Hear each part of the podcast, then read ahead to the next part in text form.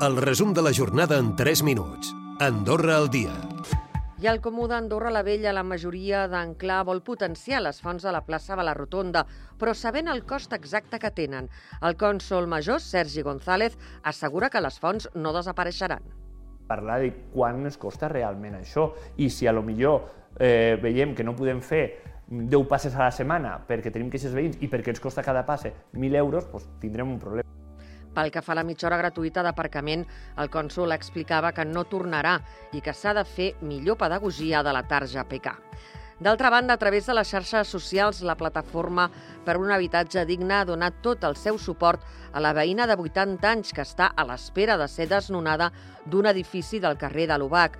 Han aprofitat per denunciar que la societat propietària de l'edifici és del youtuber de Gref i que estan maltractant una veïna del país. Titllen d'indecents i de poc morals les actituds de la propietat. D'altra banda, el vehicle 100% elèctric segueix sense convèncer les matriculacions. A l'any 2023 han baixat en un 44%. D'altra banda, l'Associació d'Importadors de Vehicles ha fet un balanç positiu dels ajuts als vehicles elèctrics. Escoltem el seu president, Carles Sansa.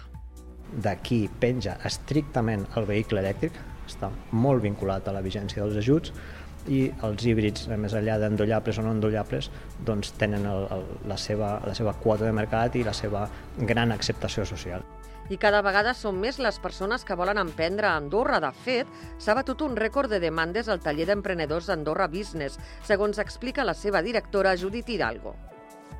Hem creat una plataforma que és andorra-startup.com, una mica per identificar quin és l'ecosistema. I, per exemple, ara en allà tenim 62 startups. O sigui que nosaltres mateixos inclús ens vam sorprendre. També hem volgut parlar amb els que tenen el coratge i la visió per encetar un negoci al país, com ara la fundadora de Logocup, una empresa de serveis de logopèdia, Maite Calzada.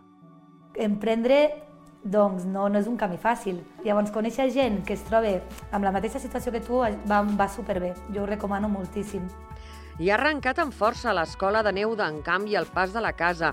Ho ha fet amb un rècord d'inscripcions, prop de 200 infants. És una activitat lúdica, sense ànim competitiu, i on molts infants tenen el seu primer contacte amb la neu. Hem estat parlant amb el conseller de Comú, Nino Amarot, i també amb els participants d'aquest curs. L'Escola de Neu és una activitat lúdico-social i esportiva per apropar l'esquí a tots els infants de 4 a 17 anys. M'ha ajudat molt a millorar tot el meu procés. Trobo molt divertit i és un esport que porto tota la vida fent. Amb els meus companys ens ho hem passat molt bé i, i hem pujat al telecadira i a molts llocs. Recupera el resum de la jornada cada dia a AndorraDifusió.d i a les plataformes de podcast.